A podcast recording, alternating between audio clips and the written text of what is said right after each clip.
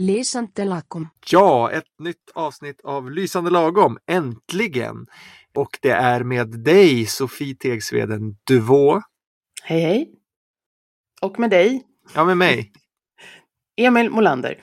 Dagens tema är eh, attityder till uttal och uttalsundervisning. Varför är det vårt tema? Jo, men jag upptäcker både i min undervisning att, att det finns ganska mycket attityder eller motstånd till just eh, uttalsövningar bland många kursdeltagare. Och jag tycker också när man pratar med liksom infödda svenskar eller någon som har svenska som modersmål så har väldigt många åsikter om hur, eh, vad som är viktigt i uttal, om uttal är viktigt och hur liksom, uttalsundervisning ska gå till. Så jag tänker att vi som vet allt eh, Ja. ska reda ut det här lite idag. Ja, men jag känner igen mycket av det där du säger. Eh, men vad är det, vad är det folk, eh, varför, varför har de ett motstånd mot det? Jo, alltså jag, jag tänker i alla fall om man pratar om kursdeltagare så tror jag att, att det är många som har svårt att skilja på det här med uttal och brytning och att många känner sig liksom lite kritiserade och kritiserade på djupet när jag säger att de behöver öva uttal för de tänker att deras brytning som liksom berättar en, en liksom historia om vem de är och vad de har för bakgrund, att, att det är den jag är ute efter och att jag på något sätt liksom hotar deras identitet och att de ska Mm. liksom låta supersvenska. Och, men det jag brukar säga till mina kursdeltagare, alltså uttal, det handlar ju om att kunna göra sig förstådd. Att, att liksom prata och, och folk förstår vad man säger och att det dessutom ska vara ganska lätt att, att prata. För det är många som Mm. tycker liksom det känns tjorvigt i munnen när man försöker prata svenska. Då blir det ju jättejobbigt Mm. Ehm, att, att liksom uttrycka sig och så ska det ju inte vara. Ja, men jag känner igen det. Alltså, men du menar inte nybörjare då, utan du menar sådana som redan kan lite svenska som, som du tycker behöver förbättra sitt uttal för att bli förstådda? Ja, dels, men jag tänker även på liksom nybörjarkurser så tycker jag det är väldigt viktigt med uttalsundervisning. Och då tycker en del att ja, men det där behöver vi inte ägna så mycket tid åt, utan vi satsar på något viktigare sådär också. Mm. Att, ja, men det där, jag, jag har brytning när jag pratar engelska, om man kanske kommer från Spanien eller någonting, och det gör ingenting. Så jag tänker liksom satsa på det även, Ja. även när jag eh, pratar, pratar svenska. Liksom. Ja, men det är väl en rimlig invändning? Ja, ab- absolut. Och, det, det, det är där jag vill verkligen göra en skillnad på brytning och eh, uttal. Och, och, och då direkt så brukar vi, börjar, börjar vi prata om det och då kommer också den där liksom, ja men brytning, det låter som ett väldigt negativt ord för att ofta är ju bryta eller någonting som är brutet, på många språk är det också synonymt till att någonting är trasigt eller sönder. Mm. Och, och där har jag en liten grej. Jag brukar prata om brytning, att brytning kanske egentligen är precis som att ljuset bryts och så visar jag en bild på så prisma och så, liksom, att, att det blir jättesnygg regnbågseffekt. Att det kanske är så man ska Mm. tänka på brytning. Att det, det, ja, men det, det gör det lite annorlunda, men det, det, blir, men det blir snyggt, det blir vackert. Eh, brytningen ska vi behålla och brytningen är också tecken på, om, man, om man träffar någon med en brytning så betyder ju att den här personen har lärt sig ett annat språk i vuxen ålder. Det är ju fantastiskt. Eh, så så Ja, om, om man pratar med någon med en brytning så, så, så finns det all anledning till liksom beundra den här personen och Ja. hur mycket arbete han eller hon har lagt ner på någonting. Eh, men uttal är ju någonting helt annat. Du menar, alltså när du säger uttal, då menar du någonting som är lätt att förstå? Ja, att till exempel kunna säga, vi, vi pratade häromdagen om, om ordet kalas eh, med, med en grupp människor och, och, och de vill gärna säga kalas. Eh, Mm. och, och jag tror att om, om man säger kalas eh, till, en, till en svensk person så, så är det ju lätt att tolka det som kallas till exempel. Att det är inte riktigt säkert att vi förstår att den här personen menar ett kalas. Mm. Eh, Så där blir det ju problem i kommunikationen. Och, och att Mm. lära sig ett, ett bra svenskt uttal så att man kan göra sig förstådd är inte egentligen jättekomplicerat om man får liksom handledning i hur det fungerar. Alltså det är väldigt nyligen som jag upptäckte där att folk tolkar ordet brytning som att någonting är brutet och trasigt. Alltså Ja. broken English. Jag har inte, absolut inte tänkt så utan jag har snarare tänkt det, det där att man bryter, bryter färg eller, eller någonting sånt. Ehm, men eh, det är synd det här att det finns ett motstånd mot, mot uttal, att öva uttal. För det är liksom svårt nog ändå. Det är svårt nog ändå att få till ett bra uttal eh, om man vill. Så då man dessutom inte vill, eh, då blir det, då blir det extra svårt att få, få till ett lättförståeligt uttal tycker jag. Mm. Ja, men, va, va, varför tror du då att folk inte vill satsa på uttalet? Vad är din upplevelse av det? Eh, jo, jag tror att framförallt så beror det på att man inte, man har svårt att uppskatta själv hur stor skillnad det är på att säga kallas och kalas. Mm. Alltså, man tycker inte att det är så stor skillnad. Jag brukar alltid ta upp det här exemplet med att engelskan har tonande s, att man säger ice, då menar man is och så säger man eyes, så betyder mm. ögon. Det där har jag inte, aldrig, aldrig lagt någon vikt på förrän jag var över 30 så var det någon mm. som påpekade, min fru då såklart, eh, att det där är skillnad. Och jag tycker, jag har jättesvårt att höra det. Jag tycker liksom inte att det ska vara så jäkla noga. Du fattar väl vad jag menar ändå. Ice, ice. Eh, så att det är väldigt lätt, nära till hands liksom att förstå det där att man tycker liksom inte att det ska vara så jäkla viktigt. Men för en engelsktalande så hör de ju direkt att jag säger fel. Och ibland blir det så att jag inte blir förstådd. Ja men precis, alltså, vad, vad man, liksom, vilka skillnader man hör beror ju på vilket bakgrundsspråk eh, man kommer ifrån. Så det, det, är ju definitivt så tror jag att man liksom inte förstår att det, det, man säger fel faktiskt är så pass mycket fel eh, som det är. Sen är det väl också lite det här att, att lite kanske missförstånd om vad som är viktigt och där tror jag att många svenskar, både liksom undervisande lärare tyvärr och även liksom allmänheten gärna vill berätta för, för personer som lär sig svenska om vad som är svårt i uttal. Och det finns mm. ju säkert många svåra saker, men det är inte säkert att de sakerna är liksom viktiga. Vi vill gärna rabbla sju sjösjuka sjömän, men, men om de säger su, sösuka, sömän så, så fattar vi ändå. Liksom. Så att, jo, men det är kul att kunna uttala det där och enligt mig då, liksom, eller enligt dig på ett annat sätt. Men, men det gör inte så mycket om det blir fel. Men kalas, kalas, där är risk för missförstånd, även om det är någonting som kanske många svenskar inte är medvetna om heller, att, att det är där liksom svårigheten mm. eh, ligger. Mm. Det är många svenskar som tar upp det här anden och anden och tomten mm. och tomten och det alltså det här med tonaccenten och accent 1, accent 2 eller grav och akut accent. Men det är ju, och det är ju svårt, det är jättesvårt för väldigt många andra språkstalare men det är ju absolut inte en viktig sak att öva på när det gäller uttal utan det är mycket viktigare i så fall att öva på att att betona, lägga betoningen på rätt stavelse så att man säger kalas istället för kallas till exempel. Ja, precis. Och sen det här med tonen ju också, det, det hör man ju när du och jag pratar, att, att det är ju också lite dialektalt. Och du säger till exempel kaffe och jag säger kaffe. Mm. Eh, och, kaffe! Eh, om det där med, med liksom tonen blir fel så, så har vi hört den versionen förut antagligen på grund av en annan dialekt. Liksom. Eh, men, men det är ju ingen, ingen svensk dialekt där man säger kalas istället för kalas. Nej, exakt. Eh, så, så att egentligen att, att, att, att liksom få till de här långa ljuden på rätt plats, det, det, det kan man mm. säga är övergripande för alla svenska dialekter, men tonen skiljer sig lite åt. Ja, så, ja, men det kanske inte är så big deal, big deal liksom, att, att få till det där med anden och anden eller kaffe och kaffe. Nej men exakt, så det, det där är till och med belagt i, till exempel i Torén heter en forskare, att det är det där med vilken stavelse vi lägger betoningen på, vilka ord eh, och vilka stavelser vi betonar, det är det som gör, avgör om det är lätt eller svårt att förstå någon eller inte. inte mm. Det handlar inte om liksom hur du, om du säger tomten eller tomten. Eller jo, det handlar inte om du säger tomten eller tomten. Men Nej. om du säger mm, tomten så går det inte att förstå dig. Precis, då tror man att det är ett efternamn av något slag eller någonting ja. sånt. Ja. Men, men det, det är intressant där, för nu, nu i och med pandemin och hur saker förändras så har jag haft ganska mycket kurser online och det betyder ju att jag träffar folk från hela Sverige till skillnad förut, från förut när jag mest träffade eh, folk som hade liksom flyttat till Stockholm. Mm. Och det jag märker då är ju liksom att, att eh, jag inte tas på allvar på grund av min dialekt. Att eftersom jag då pratar stockholmska så har jag liksom inget mandat att ha uttalsundervisning. Till exempel mm. om jag träffar någon som bor i Umeå som du eller någon eh, nere i Skåne. Eh, har, har, du något att säga om det? Ja men alltså det där märker man ibland. Eh, alltså jag märker ibland på kurser att jag tror att det ofta är för att de har pratat med någon någon svensk som säger ja men det här med dialekter är ju så viktigt. Det är jättestor skillnad i Halland pratar de så här och i Norrland, oj, där pratar de så. Och så har man fått en uppfattning om att det är liksom en jättestor och viktig sak. Men för en andra språkstalare så är det som du säger, det är mycket mer det här att lägga betoningen på rätt stavelse som är lika i hela landet. Det är mycket, mycket större sak än att det finns vissa dialektala skillnader.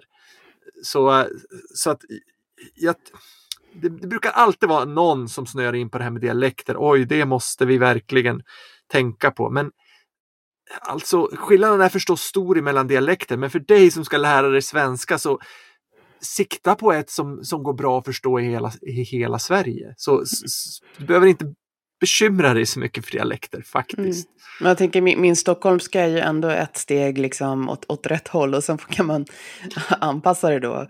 Eh, Vadå ett steg åt rätt håll? Säg inte att något i Stockholm är rätt jämfört med men, resten av Sverige. Vad menar men, du? Men, Nej men sen upptäcker man ju då, nu, nu att jag hör ju även när jag träffar andra språkstalare att de plockar upp, alltså de, de mm. har ju vissa drag från liksom, den, den lokala dialekten och det är ingenting jag försöker liksom sudda ut eller någonting. Men, men, men det är klart att när jag säger kaffe så låter det ju eh, väldigt kaffe som, som, som, Stockholms liksom, men, men det är ju ändå bättre än att säga café, oavsett om du bor i Malmö eller Karlstad eller eh, Jukkasjärvi eller vad det nu är. Ja, ja men mm. alltså jag, jag brukar ha den pragmatiska inställningen att så länge det du säger förekommer i någon sorts dialekt så, så är det helt okej, okay. kör på det. Alltså om mm. du har svårt att säga bort, som jag säger mm. det, så om, ja men säg båt då, om det, mm. för så det så säger de i, inte vet jag, Småland. Eller bort, som de kanske säger i finlandssvenska. Jag, nu, skäll inte på mig om jag har sagt fel där, lyssnare. Men eh, ja, det behöver inte låta som jag såklart. Men det jag försöker undervisa är någonting som är lättförståeligt i hela Sverige. Mm. Sen en annan skillnad som jag upplever, det är många som tycker så här att när, man gör uttalsövningar, att de inte vill eh, mm. låta som jag för att det låter lite så här löjligt. Att när de ska säga kaffe istället för kaffe eh, så, så, tycker de liksom att de låter lite korkade, att de mm. överdriver så mycket. Är, är det någonting som du ser också i din undervisning? Ja, jag känner igen det där jätteväl. Alltså, det, är ju, det är ju så att vi har, till, som ett exempel så har vi rundade vokaler i svenska, så man måste mm. göra läpparna runda när man säger ö. Mm. Och y. Annars blir det i om du inte gör läpparna runda när du säger y eller upp med överläppen. Och det där att liksom röra på läppen på ett sätt som man inte är van vid i sitt modersmål, det är det många mm. som tycker känns löjligt. Man vill inte visa sina framtänder sådär och säga ö eller y. Och då, då säger man hellre å och i istället mm. för att det känns bekvämare. Men då får man ju liksom problem med uttalet. Men så övar vi och övar och jag ser att de, att de gör någon sorts konstig grimas och säger ö. Och så känns det dumt liksom ja då förstår jag nästan att okej, okay, de kommer inte fortsätta säga, de kommer inte säga ö efter den här lektionen, de kommer säga å istället för det känns tryggare. Så det är, liksom, det är någonting där i, i uttalet som gör att det kommer väldigt nära vem man är på något sätt. Att vem man, hur man liksom presenterar, nej present yourself, det, är, det där är svengelska, hur man liksom eh, framträder som person. Um, det är Precis, kopplat till uttalet på något sätt. Var inte svenska ett, vad ska man säga, väldigt grimaserande språk? Jag, jag tänker om jag pratar till exempel amerikanska, engelska, då lägger jag armspråket långt bak i munnen. Men ja. så, så liksom när jag pratar svenska och kanske även stockholmska så ligger det liksom, jag, jag, använder läpparna på ett helt annat sätt och det är också där jag ja. har liksom ljudet. Så det är ju kanske lite specifikt just för svenska att man behöver ha den här, att det syns väldigt mycket i ansiktet och, och, och läpprörelserna, vad, vad, man säger. Ja, ja men vi har, vi har rund, rundningar mm. i vokalerna. Vi, alltså, vi har inte bara i, vi har y. De är liksom på samma sätt, samma ställe i munnen på något sätt, men, men y är rundad och i är inte rundad. Och vill man mm. inte runda då blir det inte y, då blir det i. Men som, vad ska man säga, modersmålstalande svensk då? Vad mm. har vi för eh, attityder till uttal då? Jag vet att du har gjort en studie nämligen, därför jag, jag bollar över till dig ja, här. Alltså jag tror för det första så tror jag att gemene man eller kvinna eh, har svårt att skilja på uttal och andra, andra språksvårigheter. Alltså, mm. det, kan vara en massa, det kan vara grammatikfel eller no, någonting i grammatik, ordföljd och så vidare som folk klumpar ihop med uttal eller som de lägger in i begreppet brytning. Eh, men jag har gjort en studie faktiskt för att eh, ja, det någonting som ska bli en uppsats någon gång snart. Eh, för att jag har läst i kurslitteratur och man ser det ofta liksom på olika ställen att det står att ja, men vi bedömer eh, personer med brytning på ett annat sätt. Alltså mm. medvetet eller undermedvetet att om vi träffar en lärare till exempel som har en brytning så bedömer vi den som bättre eller sämre lärare. Eller vi bedömer den som sämre lärare för att den Mm. har en brytning. Vi tror att yrkeskunskaperna är sämre för att det finns en brytning. Och det där kan man läsa lite här och var. Och så, men, men jag ville undersöka det så jag har tittat lite på vad det fanns för studier på det där och det finns ju några men jag tycker inte riktigt de ger belägg för det. För att det Mm. är så att vi bedömer folks yrkeskunskaper som lägre för att de, är, för att de har brytning. Eh, Så jag testade det. Jag, gjorde, jag ska berätta kort hur liksom, jag la upp det. Jag eh, eh, låtsades vara läkare och läste in eh, en ljudfil där jag ger ett besked om en sjukdom till en patient. Ja, nu har du fått den här sjukdomen, bla bla bla bla. Sen bad jag två personer som talar svenska med brytning att läsa samma text. Mm. De hade båda en syrisk-arabisk brytning, för de kommer från Syrien. Men de läser texten så att, så att, vad ska man säga, alla ord är rätta och grammatiken Ja. är rätt och sådär. Ja. Innehållet är eh, exakt samma som Mm. i den text som jag läser. Så att det enda som skiljer är eh, hur är uttalet. Hur, Mm. hur beto- vi betonar och gör olika ljud här och där. Och liksom ja, tal, tempo och rytm och sådär. Allmänheten fick lyssna på en av de här tre och sätta Mm. betyg i hur bra svenska var det och framförallt då hur bra läkare är det här. ja, Hur det. betygsätter du yrkeskompetensen? Hypotesen då enligt de här, det som man läser är att ja, men de skulle, folk i allmänhet skulle tycka att de här med brytning var sämre läkare baserat på det de Mm. hörde än, än när de hörde min röst. Men det var inte så. Nej? Det här, nu är det här en väldigt liten studie då förstås, brasklapp, brasklapp. Ehm, Mhm. Men det, man, det jag har sett är att de som hade brytning bedömdes vara lika bra läkare som den som inte hade brytning. Som du? Ingen skillnad. Mm. Däremot så fanns det en liten skillnad mellan könen. Okej. Och då visade det sig att eh, män tyckte att eh, de här med brytning var sämre läkare. Medan kvinnor tyckte att de var bättre läkare än en person som inte har brytning. Jaså?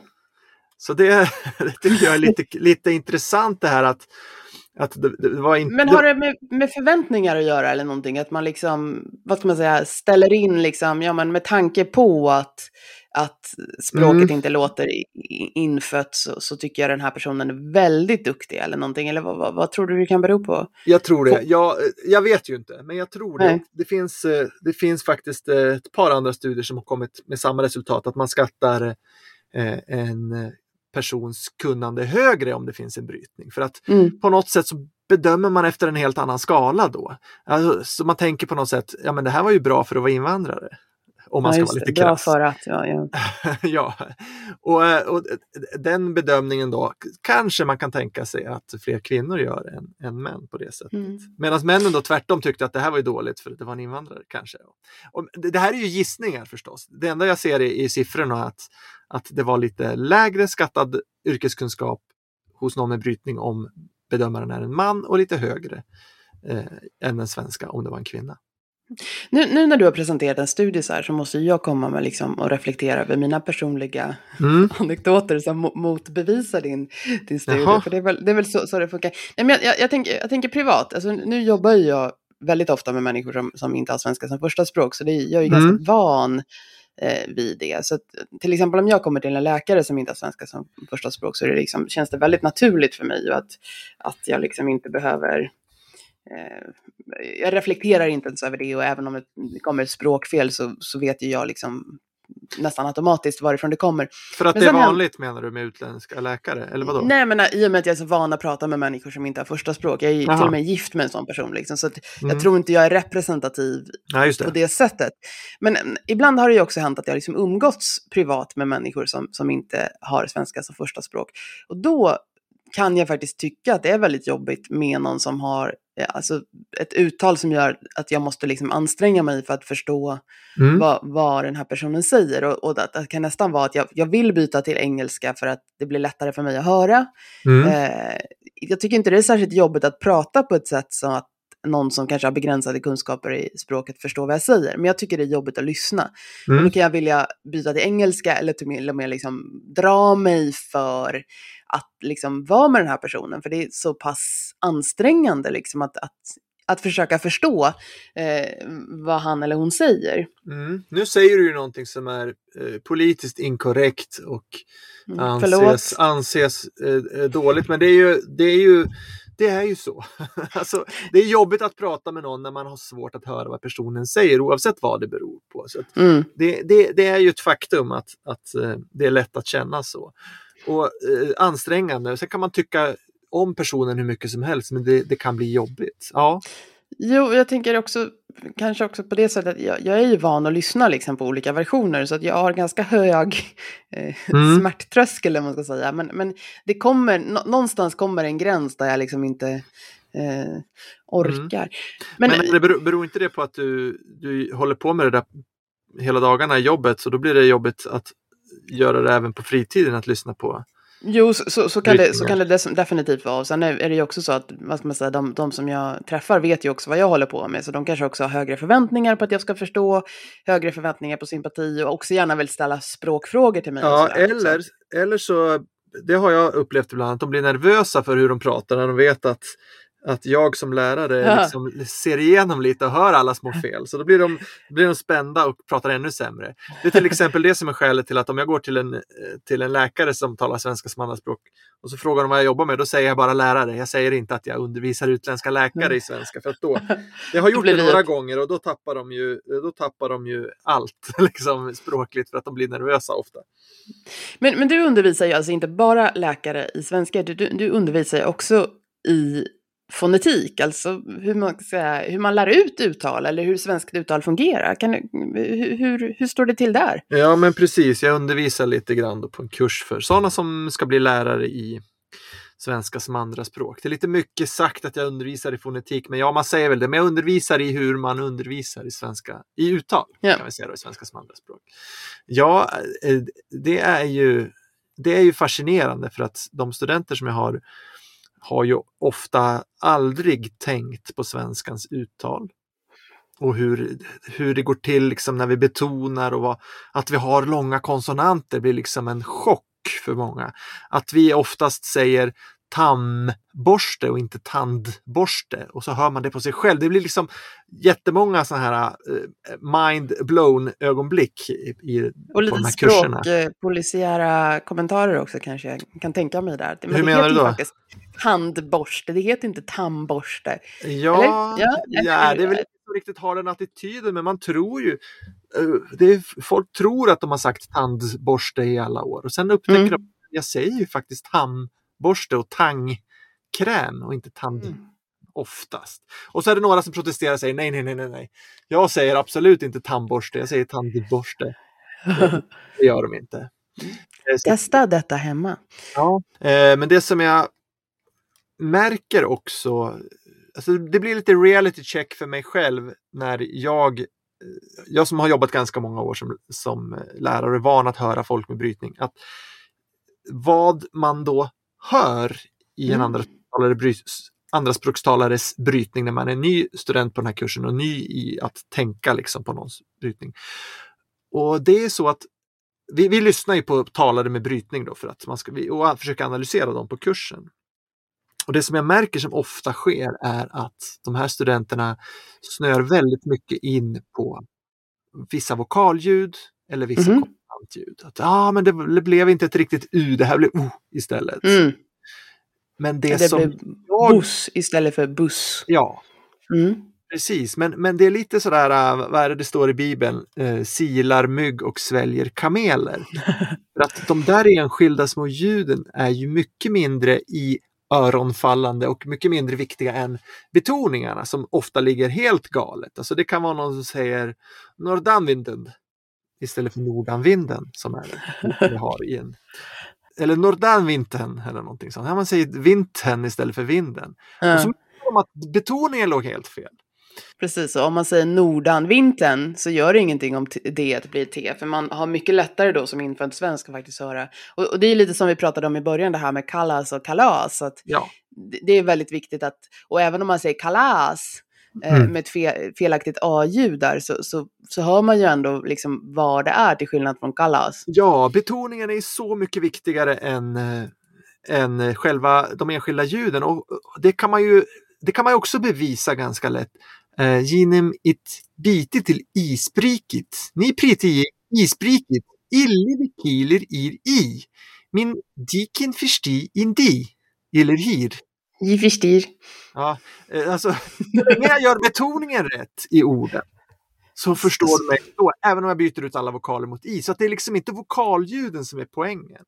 Men om jag, om jag gör samma sak och så säger jag Förstår ni i Sydney? I mi pritrisi Det blir det mix vid det. Svårare va? Ja, men precis. Och, och, och det där är ju också till exempel om vi tar ordet sjuksköterska som många är jätte, jätterädda för att säga. Mm. Eh, Så om man säger sjuksköterska, eller, så, så är det ganska mycket svårare att förstå än om man säger suksköterska eller Mm. hukhöterska. Mm. Att just liksom få till de där liksom specialljuden, det är inte så viktigt. Men, Ja, det- Om du inte får till det andra, men får du till Mm. betoningen så kan du skita i ljuden i princip. precis, så man ska satsa på det först liksom. Ja. Men det, och det är därför det är så intressant då att det, vi, våra, mina studenter som ska analysera det här med uttal, de missar ofta det där. Och det, jag tror det är därför också som det är många andraspråkstalare som aldrig har fått öva det på SFI. Mm. Det finns det många lärare som aldrig har gått en kurs i fonetik och som inte är behöriga och då tänker man inte riktigt på samma sätt på betoning utan då snöar man in på de här ljuden. Ja, vi har ju så många vokalljud, vi måste öva vokalerna. Ö, å. Och så övar man aldrig på betoning tyvärr. Och det, i läroböckerna finns det inte heller med någonting om betoning ofta, tyvärr. Ja. Och sen också lite missförstånd i och med att när vi har gått i skolan då har vi pratat om lång och kort vokal som är Mm. ett sätt att jobba med stavning. Att Mm. bus eh, har en lång vokal och så säger man att buss har en, en kort vokal. Men, men från ett uttalsperspektiv så är det ju intressantare att, att bus har en lång vokal och buss har en lång konsonant. Eh, och, Ja, och det motsvarar precis. ju inte det sättet som vi jobbar med det här i, i lågstadiet. Liksom. Så att om man inte har, har vad ska man säga, gått Mm. n- någon slags utbildning i uttalsundervisning så, så är det ju ofta det man liksom, man märker att de säger buss, buss och så Mm. vill man göra något, något det och så utgår man från det man själv lärde sig i stavningen som första språkstalare och det Mm. kommer man inte särskilt eh, långt med. Nej. Och det här, är, det här är ju ett problem som, som jag, jag har, inom svenska som andraspråk har brottats med i 20 år eller mer. Mm. Att det, men det sitter kvar fortfarande. Att lärare där ute tänker på lång och kort vokal och tror att det är grejen. Men, men, men en sak som jag har liksom fastnat på i vissa diskussioner, när jag har pratat liksom ofta med kursdeltagare, men ibland andra som har lärt sig svenska och sådär, att, att jag, jag har jobbat med det här i tror jag, snart 15 år och, och liksom jag blir mer och mer fokuserad på uttal och tycker liksom att uttal är verkligen en väg in i språket som gör att mycket annat sen också blir mycket lättare om man har en god uttalsundervisning från början. Ehm, och, och, och när jag pratar om det så, så brukar liksom nu kommer vi tillbaka till protesterna här, man säger att liksom, ja, men, det är inte så himla viktigt med uttal. När jag lärde mig engelska så behövde jag inte så bra uttal och Mm. Och då, då har frågan kommit, kan det vara så att liksom, beroende på vilket språk man lär sig så är det olika faktorer som är så att säga viktigare för att man ska tala språket liksom, bra? Är, det så att uttal är viktigare på svenska än till exempel spanska eller franska? Och är det så att Mm. till exempel om jag lär mig eh, kinesiska eller eh, portugisiska, att det finns en särskild sak som man liksom måste fokusera på? Eller är det liksom helt jämlikt oavsett språk man lär sig, att, att alla saker är liksom, uttalet är lika viktigt i svenska som i swahili som i eh, libanes, alltså Mm. alla språk. Mm. Alltså, ja, jag tror att det är, det är olika, olika stor sak i olika språk.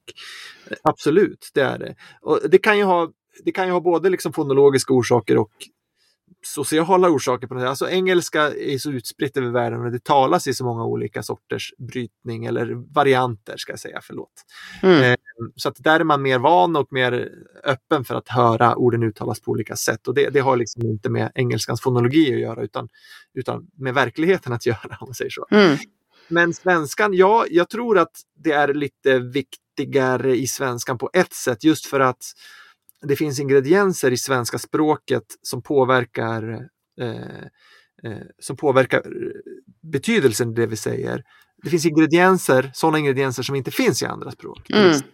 till exempel längd, om det är en lång vokal eller en lång konsonant i ett ord. Om det är och vilken stavelse som är betonad. Mm. Om man inte har med dem alls, ja, då, då får man ju problem med, med uttalet.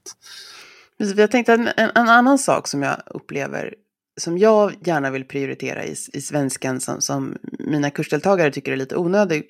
Och det är egentligen inte uttal, men det är lite de här sociala fraserna. Att, att, Mm. att man ska svara rätt. Eh, Mm. Att jag upplever att många svenskar i, i vissa liksom vanliga situationer så har de ett liksom utbyte av fraser som liksom nästan är, det är nästan som en ritual, man säger alltid samma sak. Att, Mm. ja, men, om jag säger liksom, oj vilket väder, då säger du, ja fy, och sen börjar vi prata om vad vi ska liksom göra på grund av det här vädret, liksom. vi kommer Mm. anpassa våra planer.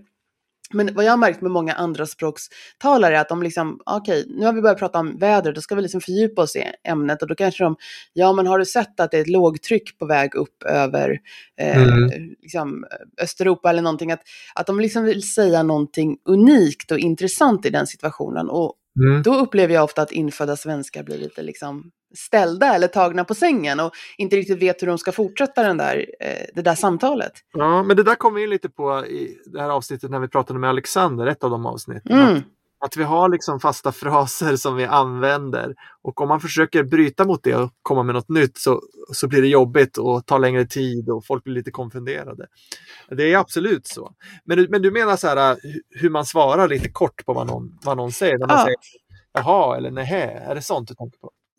Nej, utan egentligen de här fasta fraserna. Men, men det, det som är intressant, eller det, det som, som jag har snöat in på, på nu i min undervisning, det är att de där fraserna kan man öva på eh, i, i, i sam, i samband med uttalsövningar. Att, liksom, att istället för att säga ja fy, så säger, ska man kunna öva på det och säga ja fy, när någon säger Ja, liksom, vad ruggigt det är där ute. Att, att, att, att, att då kan man liksom komma väldigt Ja, långt i den sociala svenskan, att få in det här liksom förväntade Mm. uttrycket och också ett förväntat uttal. Och sen händer ganska mycket automatiskt därifrån. Att, Mm. att språket inte bara blir liksom så här är de grammatiska reglerna och så här pusslar du ihop de Mm. ord du själv vill säga, utan man kan nästan börja från andra hållet och liksom Det är ganska smart.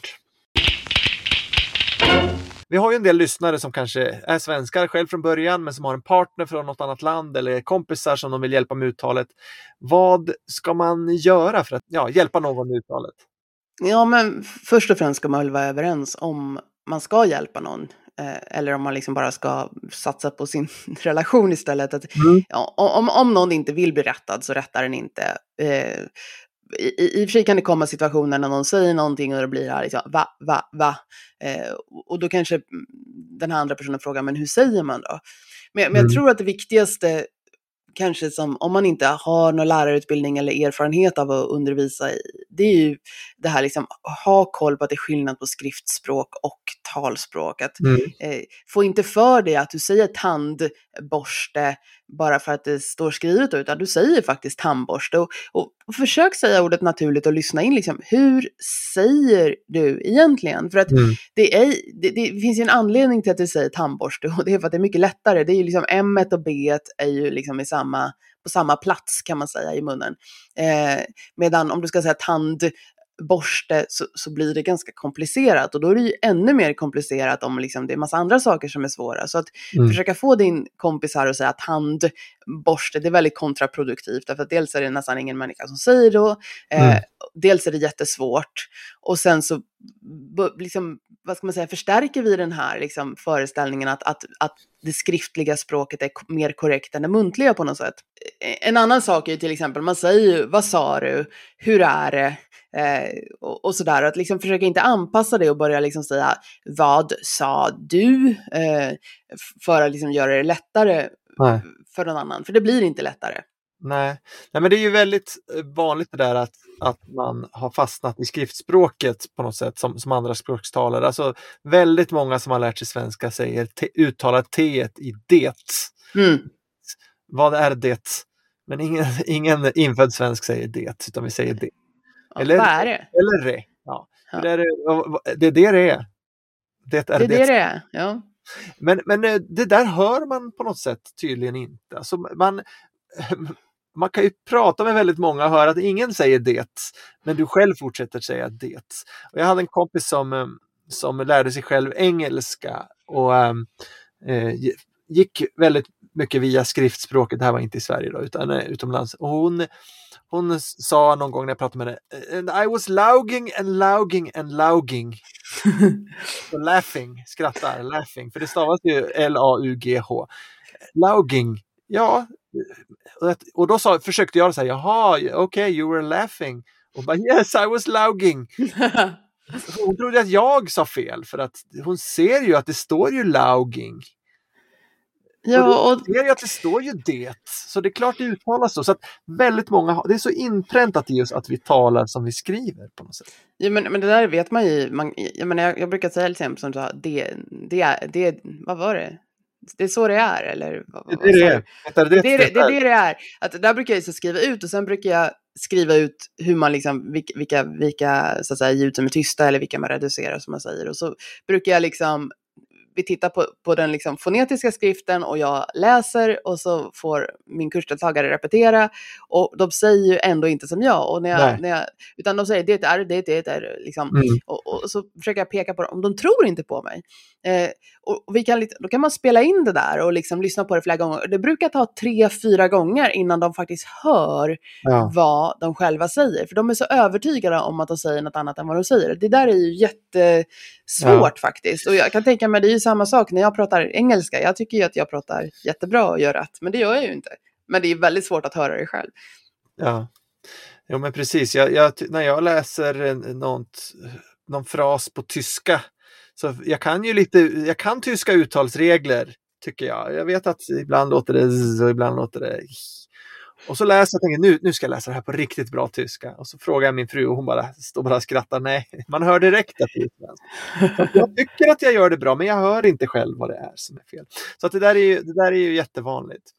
Så, så tipset till den som vill hjälpa sin, sin, sin kompis eller partner det är att eh, tala inte skriftspråk utan eh, byt, eh, byt fokus och tänk på att talet lever sitt eget liv och skriften försöker på något sätt härma hur vi talar men gör ett ganska mm. dåligt om man då liksom ska, om någon frågar hur uttalas det här ordet, och vad man liksom ska berätta då, det är liksom vilket ljud är långt. Så i ordet kalas så är det liksom det andra a där som ska bli längre. Så, så det är liksom det som ni ska försöka mm. förklara och strunta i om det här liksom ljudet blir korrekt eller om r inte låter precis som ditt r eller ja men ö kanske inte låter perfekt. Det kanske inte gör jättemycket utan försök skriv ner ordet och så försök ta reda på. Det är antingen ett eller två ljud och det kan vara vokal eller konsonant som ska liksom vara långt och försök hjälpa din kompis då hitta de här långa, för då, då kommer liksom, man öka begripligen, begripligheten eh, ganska ordentligt. Mm. Och vad är det som är långt om jag säger kallas? L. Det är ett långt L, ja. Kallas. Man lägger mer tid på L. Och det där är det många infödda svenskar som aldrig har hört eller tänkt på. Precis. Glass med ett långt S. Vi älskar att få mejl från våra lyssnare för då vet ni att ni finns. Så hör gärna av er. Vi finns på podd, kan stavas med ett eller två d. Vi svarar ändå. poddatlysforlag.com. Eh, Berätta vad ni vill lyssna på, vad ni tycker är roligt eller ställa en fråga så blir vi inspirerade till att göra fler avsnitt. Ja, och man kan också gå in på lysförlag.com och titta på vad vi säljer för fantastiska böcker och ha lite andra projekt på gång där. Tack Hej då! för att alla har lyssnat. Hej då!